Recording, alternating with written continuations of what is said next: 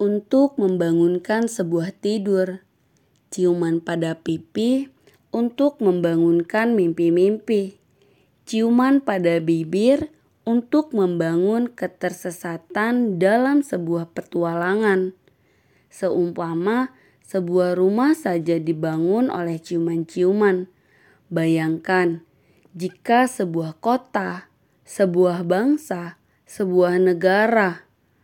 Oh kekasih, aku punya sebuah tanya. Adakah bangsa yang akan binasa jika ia dibangun oleh berjuta-juta ciuman rakyatnya? Ciuman menjaga sebuah bangsa dari kepunahan, memelihara kau dan aku dari ketersiangan. Dengan ciuman, semua perang ditidurkan. Dengan ciuman, bom kehilangan daya ledaknya. Dan dengan ciuman itu jua, jiwaku yang peluru tak ingin meninggalkan kamar senapan.